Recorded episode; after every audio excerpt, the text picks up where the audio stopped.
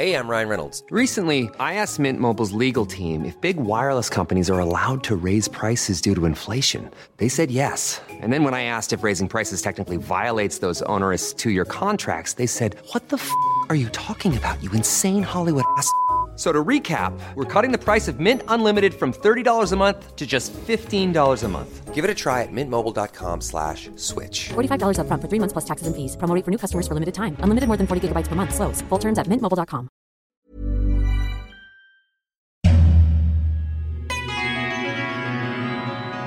Ska mm.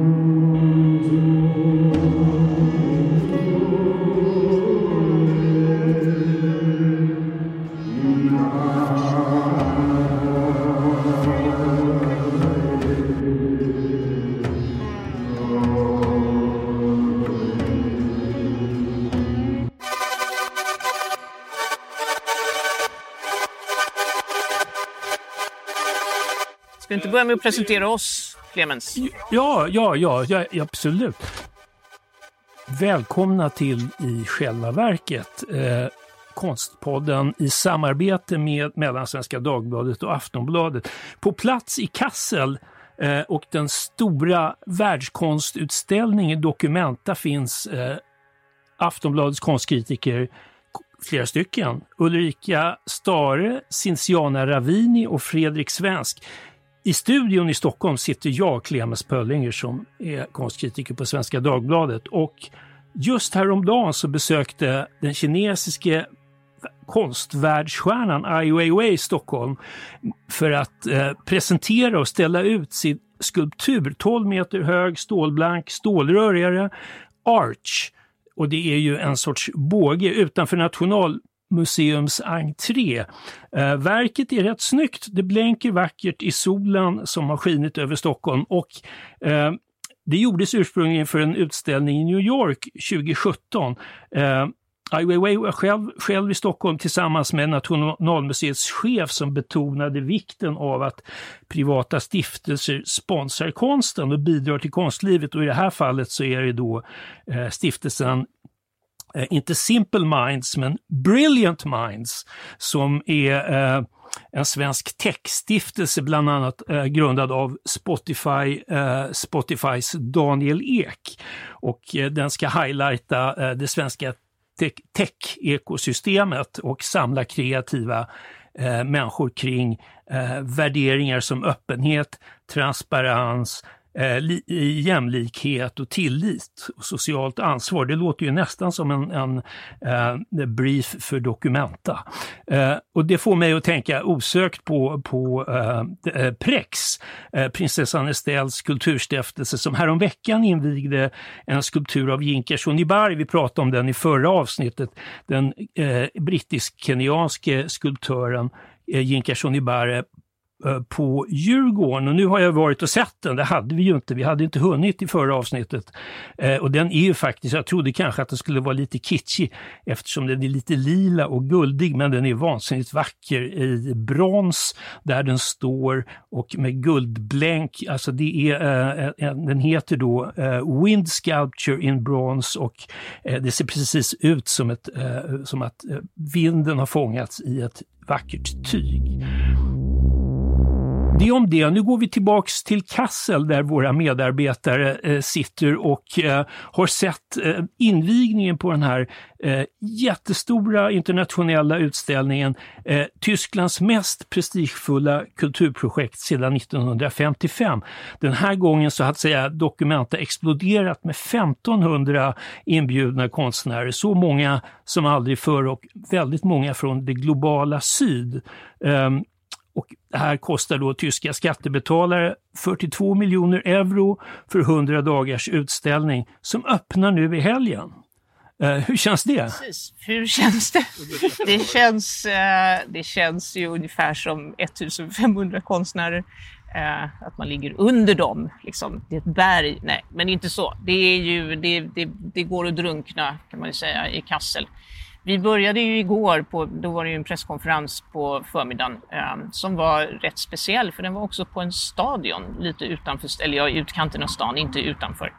Eh, och där eh, kanske du också Cinciana kan berätta om. Det var liksom som någon sorts klang och jubelföreställning. Ja, faktiskt. det kan man säga. För att eh, så fort kuratorerna sa någonting där uppe på scenen så, så jublade konstnärerna som satt i läktarna. Så det var väldigt mycket, eh, ska man säga, det var som en form av kollektiv narcissism.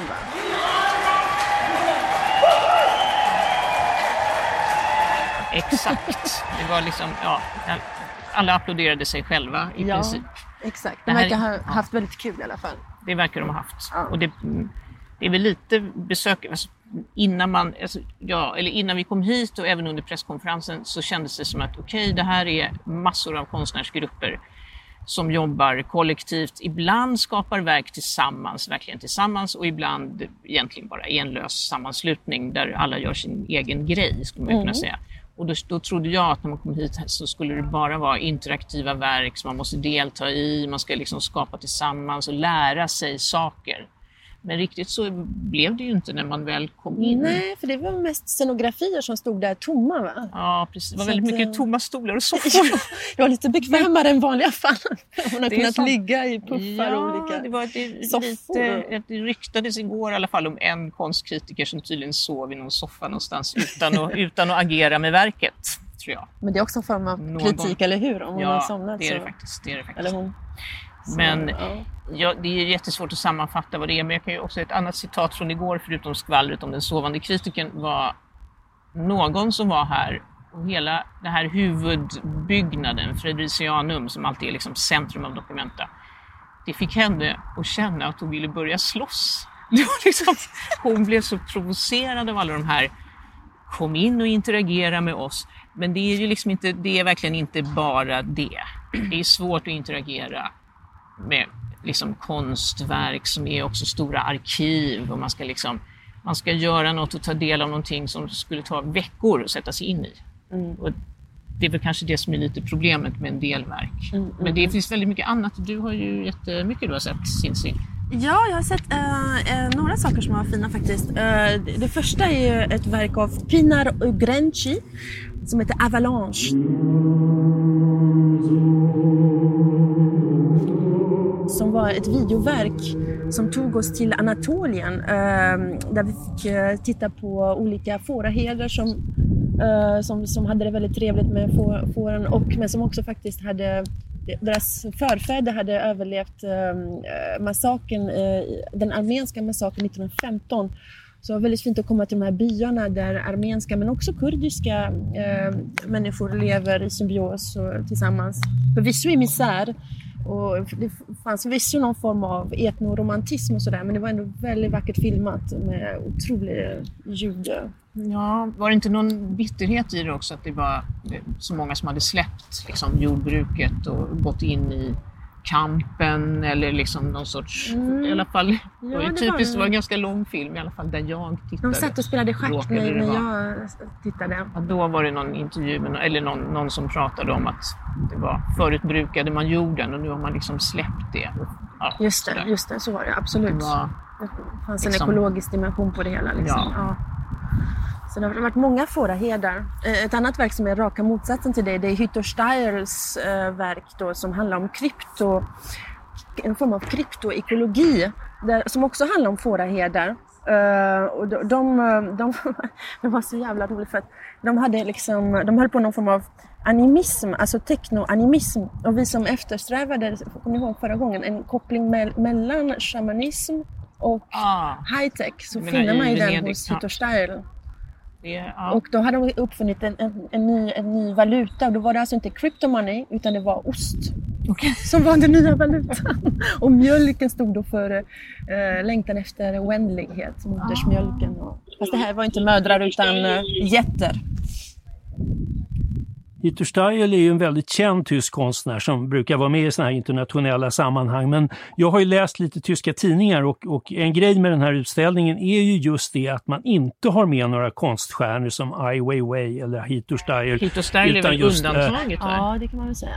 Ja, man spolar de kända namnen, man tar in grupper av eh, konstnärskollektiv och aktivister och ehm, då, har, då har en del, en, en tysk kritik som jag läste frågade så här, var är konsten?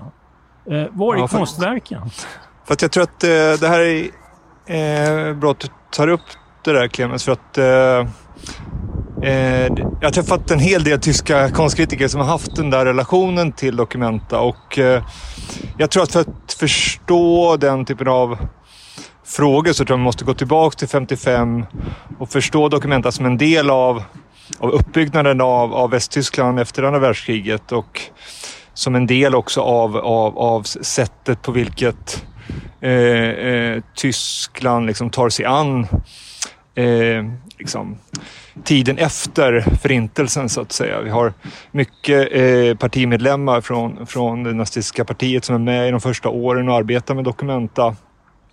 Och det här har blivit ganska uppmärksammat eh, under, under senare tid. Och, och nu, vad vi ser nu är ju en annan form av kris. Vi har en annan form av kris som, som också använder sig av den här utställningen fast på ett lite annat sätt. Alltså den här konstnärsgruppen som kuraterar, det är, de är 13 stycken tror jag idag. Och det, de här medlemmarna har bytts ut, eh, om jag förstår det rätt, ganska mycket under åren sedan, sedan de bildades i slutet av 90-talet i Jakarta i Indonesien. Alltså, eh, det fjärde största landet i världen eh, befolkningsmässigt. Som har varit det största relativt... landet i världen. Exakt. Eh, och eh, och eh, när de liksom eh, blev inbjudna till att göra det här projektet så, så var de väldigt ty tydliga med att också bjuda in Documenta. Att försöka skapa någon form av att leka med den här frågan om att bjuda in någonting som inte har varit inbjudet tidigare och istället tänka att nej, det är vi som bjuder in Documenta. Och utifrån en sån logik lite grann som de kallar lumbung försöka bygga upp en annan relation till Documenta än den som har dominerat sedan 1955. Eh, det vill säga den som har handlat om att bygga upp Tyskland och Europa efter andra världskriget. Och som har kommit med en viss relation till historia och konsthistoria. Där Documenta har liksom markerat eh, ganska ofta liksom, eh, eh, nya former av konst som har liksom, fått en stor betydelse för hur konst, konsten har utvecklat sig på olika ställen i världen. Och istället för att bry sig om den där, den där liksom, formhistoriska relationen till konst. Och kanske till och med en konsthistorisk relation till konst överhuvudtaget så, så har eh, den här gruppen då eh, utnyttjat sin egen erfarenhet av att försöka göra konst i en situation som, som kommer också från en form av, av diktatorisk, eh, diktatorisk postkolonial, eh, postkolonialt samhälle som, som inte har den typen av infrastruktur som tyskarna har byggt upp efter andra världskriget. Så det här samarbetsfokuset har ju i många av de grupper som är inbjudna har också varit kopplat till, till liksom olika typer av brist på nationella infrastrukturer för konst. Eh, och det återspeglas verkligen i utställningen. Så vad vi ser är liksom en, slag, en slags så in, alltså olika typer av inbjudningar. Alltså man bjuder in varandra till att utnyttja den här eh, Documenta som en slags ekonomisk möjlighet för att omdistribuera pengar från, från, från Tyskland Eh, inte till enskilda konstnärer utan till enskilda konstgrupper att i stort sett fortsätta göra det de vanligtvis gör i deras olika liksom, situationer, deras olika hemmiljöer om man säger så. Ja, jag förstår, så, alltså så, ett, ett slags konstnärligt sida om man säger så. Exakt, så, så att när man går och bara tänker på de här verken som vi har talat om hittills, så se, då, då tänker man kanske att ja, det här ser ut som en vanlig konstutställning. Men, men det är någonting i deras själva ingång till att, att överhuvudtaget ehm, eh, säga ja till att, till, till liksom, göra dokument som har en helt annan, som inte går via den, den idén om konst. Man kanske kan tala om invitational art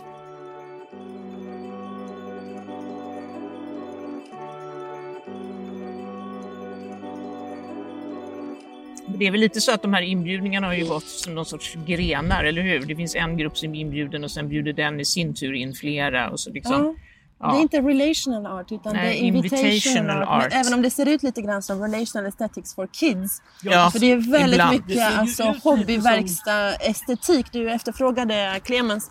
Hur ser det ut egentligen i rummen? Jo, men det ser ut lite grann som att man kommit in på en kindergarten. Jag har läst att det ser ut lite som relationell estetik på 90-talet. Ja, det är lite Ja, lite. 90-tals revival men det här är ändå liksom sagt eh, participationen som står i centrum och eh, det är, lite 2010-tal också skulle jag säga. Ja, ja. Ja. Men som sagt, vi har, inte, med, vi, vi har inte interagerat så mycket eftersom det fanns inte så många konstnärer i de själva utställningsrummen när vi var där. Nej, det fanns ju lite spår av samma typ av estetik även i eh, Berlin, på Berlinbiennalen. Ja. Där var det ju också, det var åtminstone någon grupp som, som hade någon typ av, det skulle vara ett rum för någon typ av aktivitet. Mm. Men det var det mer konstnärerna var liksom bara i ett hörn på något blygt sätt. Så det var liksom Alltså, ingen som det, det är ju spännande att, att är tysk det är spännande att i Tyskland just nu pågår två stora konstutställningar. Ena är ju Documenta som är mastodontutställningen men sen pågår Berlinbiennalen samtidigt. Och där, om jag förstår det rätt har ni varit där alla tre? Precis, den öppnade i lördags. Så att vi, har, vi var där innan. Ehm, och den är ju den är ju mer traditionell på många sätt. Ja, fast med vissa Och lite undantag mer eh, ska jag säga, provokativ för det fanns ju en del eh, alltså, ganska jobbiga verk att titta på. Bland annat eh, Jean-Jacques Lebel hade byggt ett labyrint. Man kunde liksom gå igenom alltså, överdimensionerade foton från de här hemska alltså, amerikanerna, Abu Ghraib-fängelset. Ja. Man fick titta på ja, hur de här hemska amerikanska soldaterna hade förödmjukat eh, ja, Precis. sina och, fångar.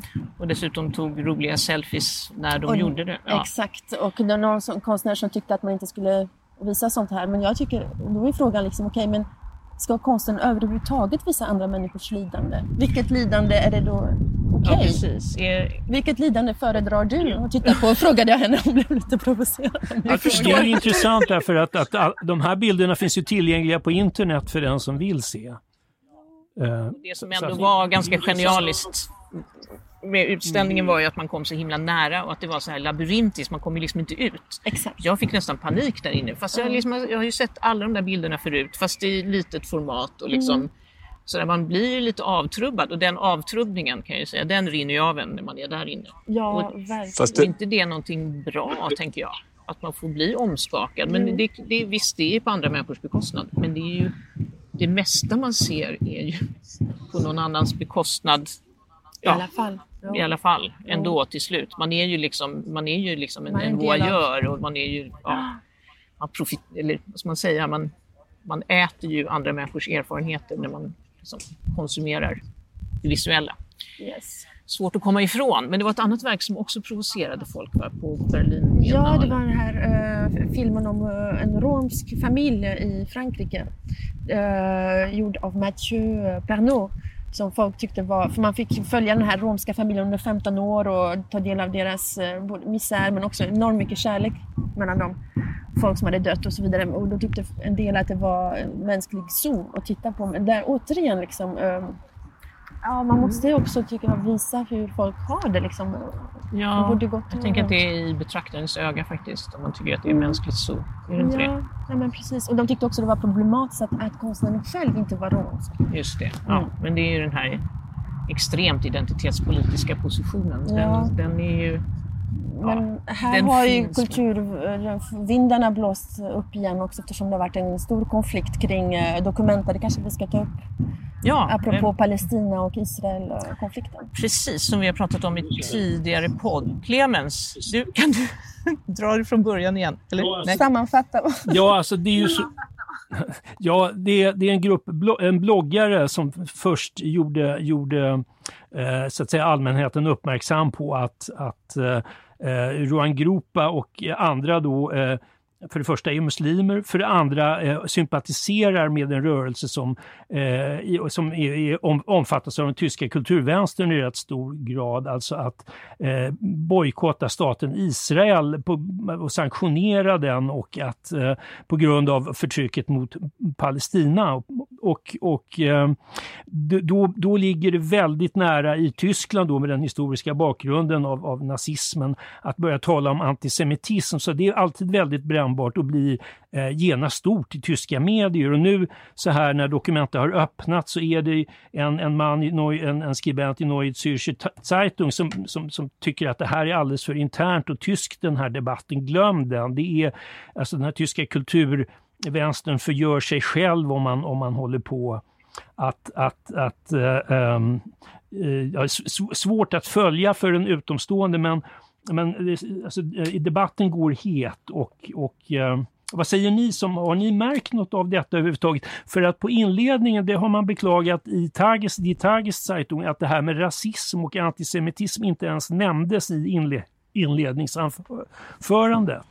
Eh, ja, det gjorde det faktiskt. Det gjorde det. Alltså både, både Überburgmeister i Kassel, i hans anförande så, om jag fattade, fattade rätt på tyska så var han väldigt noga med och, och eh, markera eh, eh, Israels rätt att försvara sig. Samtidigt som då var det väldigt många naturligtvis som reagerade att han nämnde inte ens frågan om, om Palestina eller så alltså det, det, blev väldigt infekterat där under ytan lite grann faktiskt. Och, eh, men bland, eh, bland konstnärerna och, och de som är med i, i, i utställningen, eh, i dokumenten, så är det helt uppenbart att det finns ju inget verk här som, som, som handlar om, om, det, om jag har inte, det här, inget verk handlar om Israel, vad jag har sett till exempel. Eller inget verk eh, liksom, eh, berör just de där frågorna. Så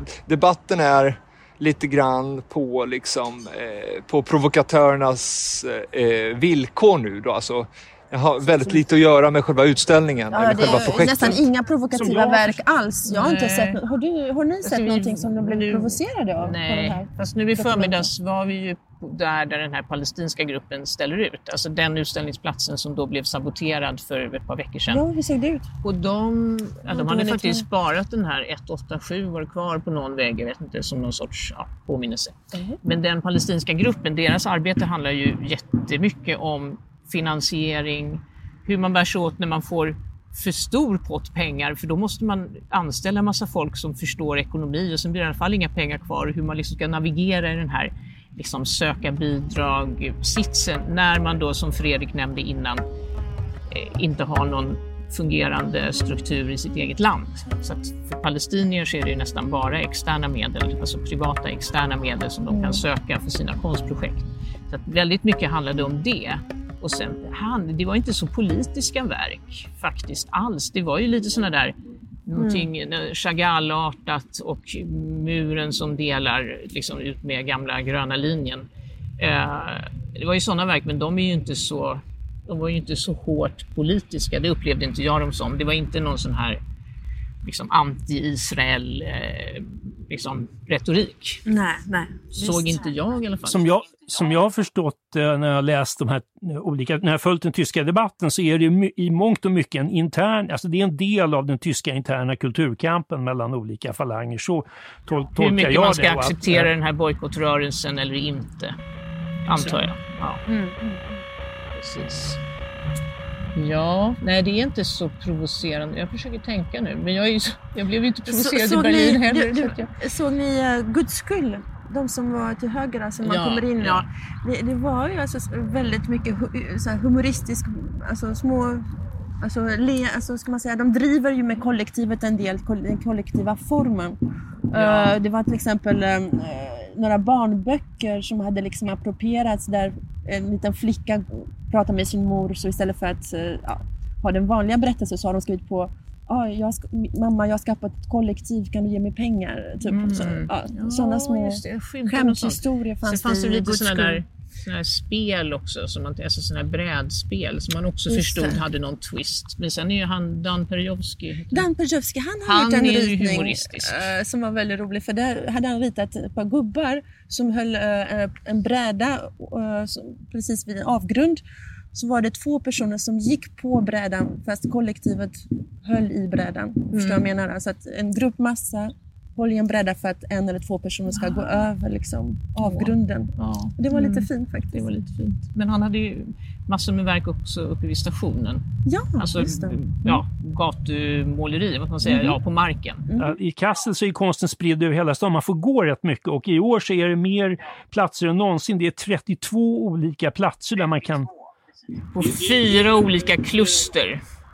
Jag, Precis. jag har bara kommit igenom ett kluster. Ja, vi tog oss faktiskt till Wilhelmshöj för det var någon som berättade att... Det låter som att det är en ganska lekfull utställning. Ja, ändå. jag åkte skateboard igår med mina högklackade skor. Kan ni tänka er det? det var ett, ett kollektiv som heter Ban Norg, en thailändsk grupp som intresserar sig för både subkulturer, så här lite mytiska ritualer och, och, och, och skateboard. Va? Eh, och då åkte både Fredrik och jag skateboard omkring där och det var det Gud, som fick mig att tänka på den här kindergarten-estetiken. Det var in, liksom. ja, eller när vi var där nere, då var det ingen som rörde någon skateboard. Vi var väldigt... Ja, och de, ja. de håller också på med mjölk. mjölk det är mjölkbönder som, eh, som håller på med det här. Alltså.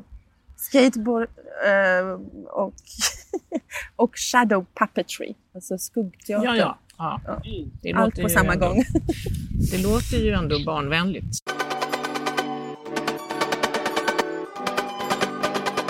Det låter också lite som, som konstmässan Supermarket, den konstnärsdrivna konstmässan Supermarket. Det låter sådär lite, Det lite busigt och, Ja. och alternativt allting. Ja, som var ju på ett lekland. Ja. Jag, menar, jag tänkte på vilka svenska grupper hade kunnat vara med i den här istället. tänkte jag faktiskt på Kultivator. De hade passat in perfekt. Ja, det hade de. Eller? Ja, För att det är ganska mycket För jag har läst så om här en massa bönder, stadsodling. odlande, material, sten. Back to nature. Ja. Är det så här rousseausk? eh, Tillbaks back till naturen. Det är ju lite så. Lite, ja. Mm. Det är väldigt sådär... Ja, skillna, skill, skill, skillnaden mot eh, Supermarket, jag, jag tycker det är en jättebra jämförelse men om man tänker sig att de här alternativa konstmässorna ändå försöker hem, härma en, en, en vanlig konstmässa men med liksom självorganiserade gallerier och lite mindre gallerier så, så har vi här liksom självorganiserade grupper som försöker komma in i en struktur eller göra någonting inom en struktur fast inte så att säga likna eh, inte nödvändigtvis likna en, en konstutställning då. Eh, det där är ju väldigt svårt eftersom det sker många gånger då i rum som man vanligtvis presenterar konst i. Då. Så att det blir liksom lite grann liknande effekt då om man, om man tar ett steg tillbaka. Men jag vill ändå betona att, att, att, eh, att på det sättet som de har arbetat seriöst med vad som är bakom själva utställningen med ekonomin, med olika arbetsgrupper för att hitta långsiktiga liksom, finansiering av, av olika typer av självorganiserade eh, initiativ globalt och försöka utnyttja på något vis den här liksom, Dokumentas historia för att, för att liksom Eh, för att göra någonting eh, som kan ha en effekt också efter dokumentet. Jag tycker det är väldigt eh, eh, det är väldigt tankvärt på, när det sker på den här stora skalan. Och nat naturligtvis finns det en massa motsägelser och, och det går att tycka det ena och det andra om det här. Men, men det är otroligt liksom, rigoröst genomfört liksom, när man går runt här. Det är så extremt eh, eh, stort liksom. Eh, det är ändå en känsla som jag har. Och den här känslan av att konsten, själva det vi tänker på som konst är mindre viktigt än, än, att, än att vara med sina kompisar. Liksom. Att, att det är, att det är liksom en vänskaplig ambition. Eh, med allting. Och naturligtvis finns det problem med det här också.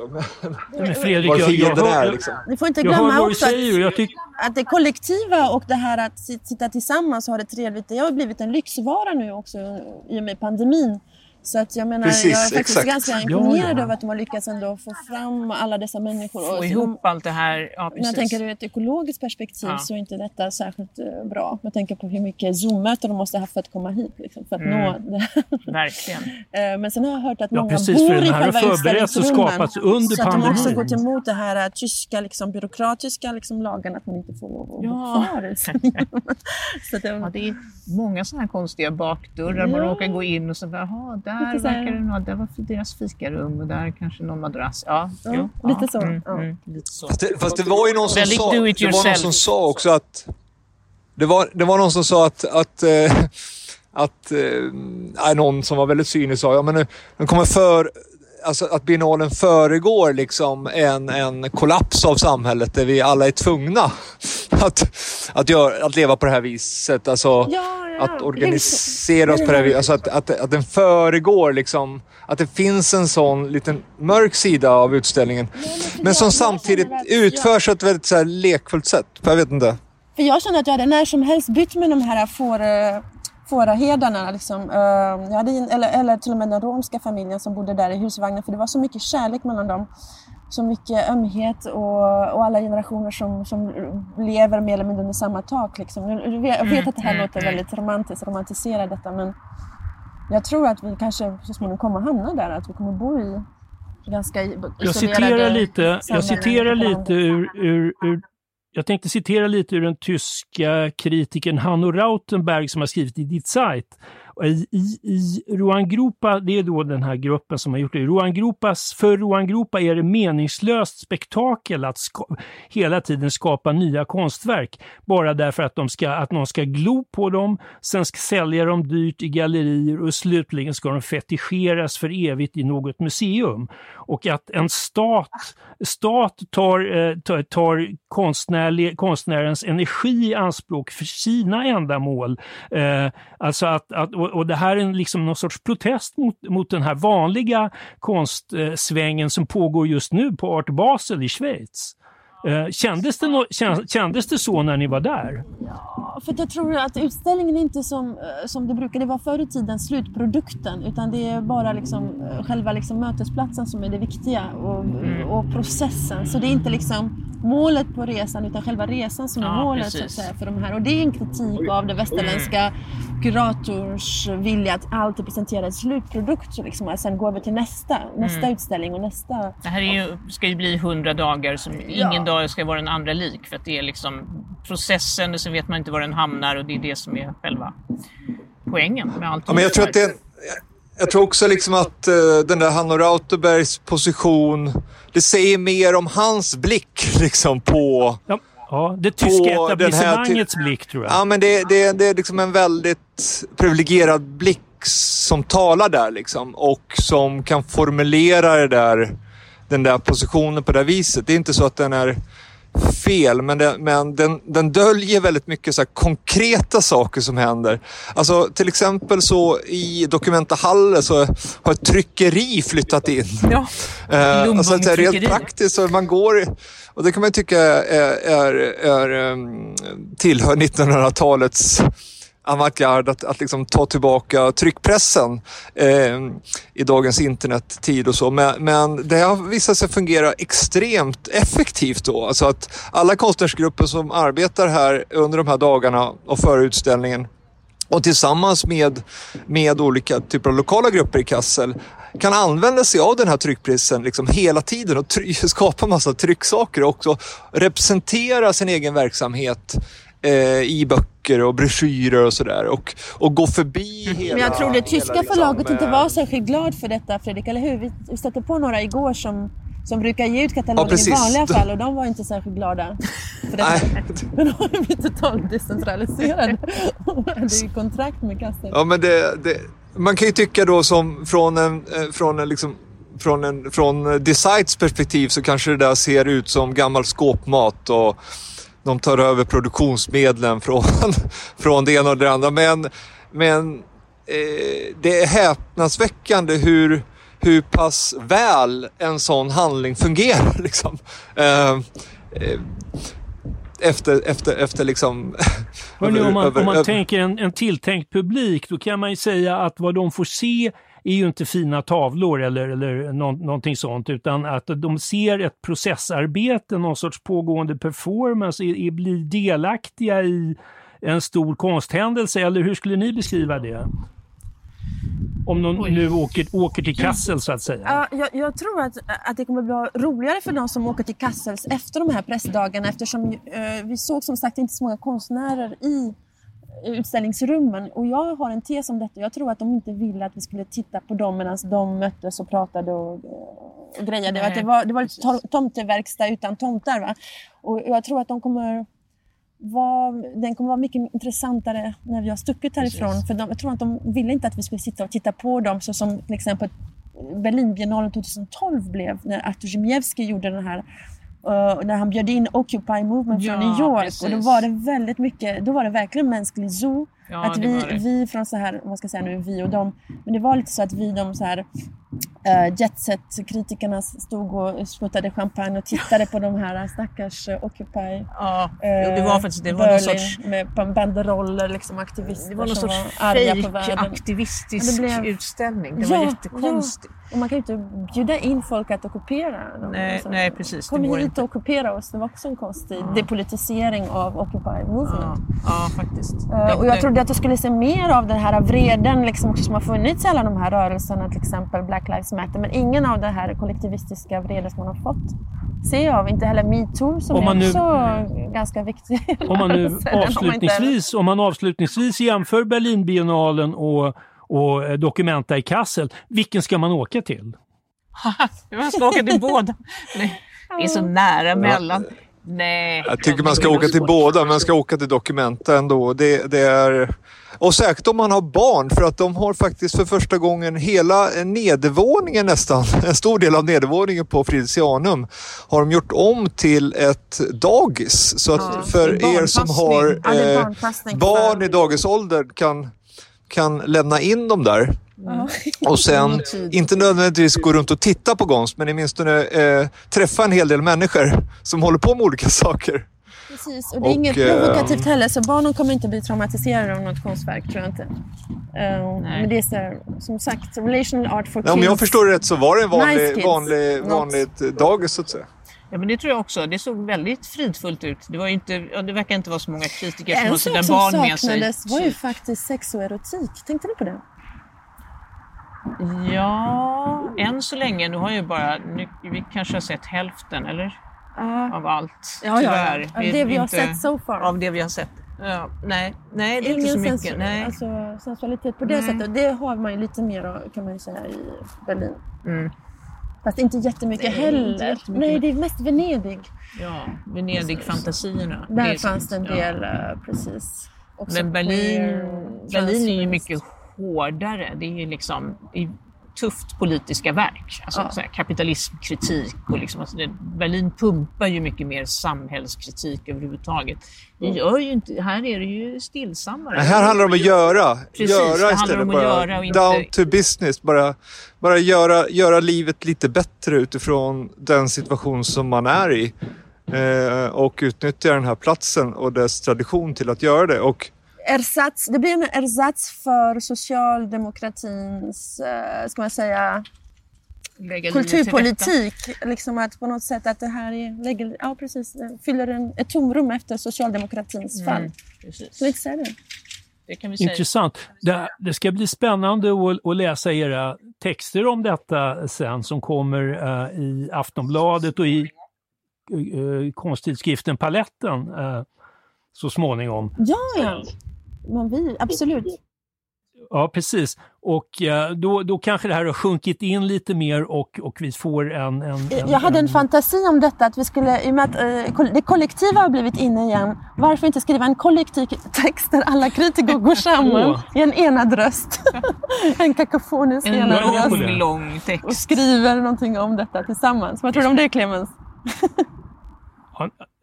Jag, jag hoppas ni kommer överens om detta till eh, nästa avsnitt. Alla som vill då vara med sammanfatta dokumenten. då skulle det i alla fall bli betydligt mer konflikt än vad som finns eh, i de här praktikerna.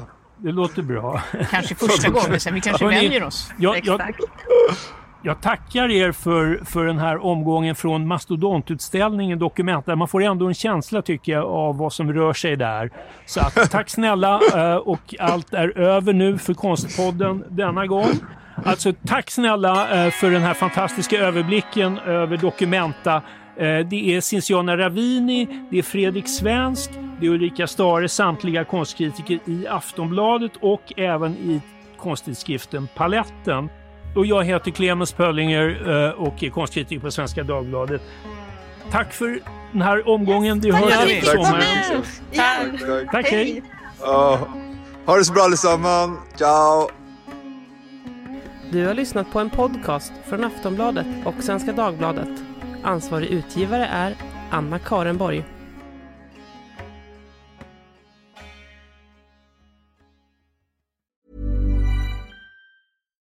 Millions of people have lost weight with personalized plans from Noom, like Evan, who can't stand salads and still lost 50 pounds. Salads, generally, for most people, are the easy button, right? For me, that wasn't an option. I never really was a salad guy. That's just not who I am. But Noom worked for me. Get your personalized plan today at Noom.com. Real Noom user compensated to provide their story. In four weeks, the typical Noom user can expect to lose one to two pounds per week. Individual results may vary.